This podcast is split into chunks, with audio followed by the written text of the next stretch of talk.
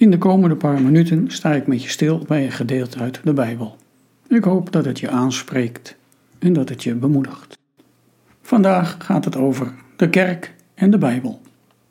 Hoe zal de kerk straks na de crisis eruit zien? Hoe zal ze zich ontpoppen? Wat is er nodig dat de kerk ook straks kerk zal blijken? Maak jij je daar zorgen over? Ik vraag je aandacht voor wat er in de Bijbel staat. In Handelingen 6, vers 7 lezen we: Het woord van God vond steeds meer gehoor, zodat het aantal leerlingen in Jeruzalem sterk groeide. Nadat de Heilige Geest op het Pinksterfeest was uitgestort, kende de kerk een onstuimige groei. Er wordt gesproken over 3000 dopelingen op de Pinksterdag. En later groeide het aantal gelovigen tot 5000. Tot er obstructie komt.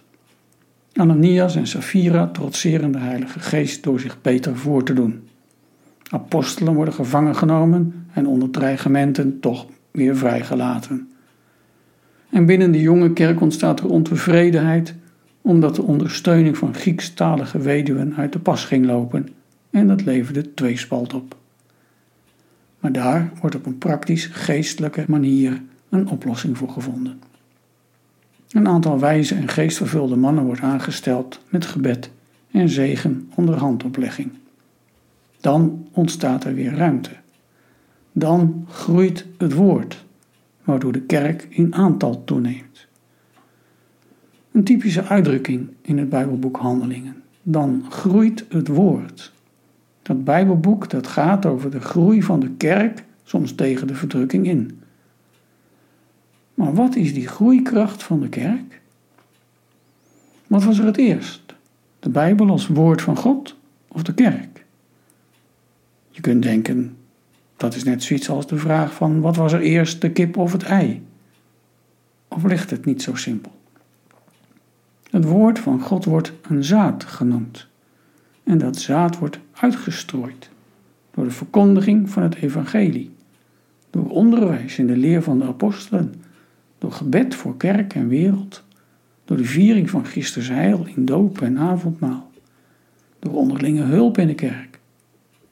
De groeikracht van de kerk ligt daarin dat er volop ruimte is voor het woord.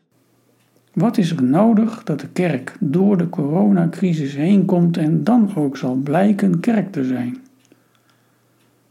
Je kunt daar heel activistisch plan voor maken.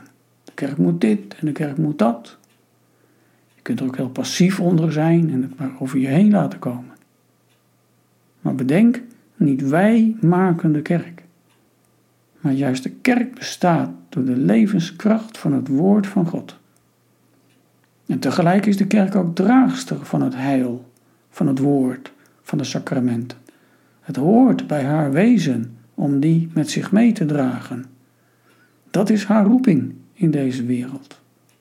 Alleen dan en zo kan de kerk in elke tijd de uitdagingen aangaan die aan haar gesteld worden. Alleen door de kracht van het woord kan de kerk groeien. Daarom heb ik fiducie in de kerk. Hoe is dat bij jou? We bidden. Heer, we vertrouwen erop dat u uw kerk bewaart. Tegelijk bidden we dat uw kerk trouw blijft aan waar ze in deze wereld voor is om het evangelie mee te dragen, om Christus te verkondigen met woord en daad. Zegen uw kerk, in Jezus' naam. Amen.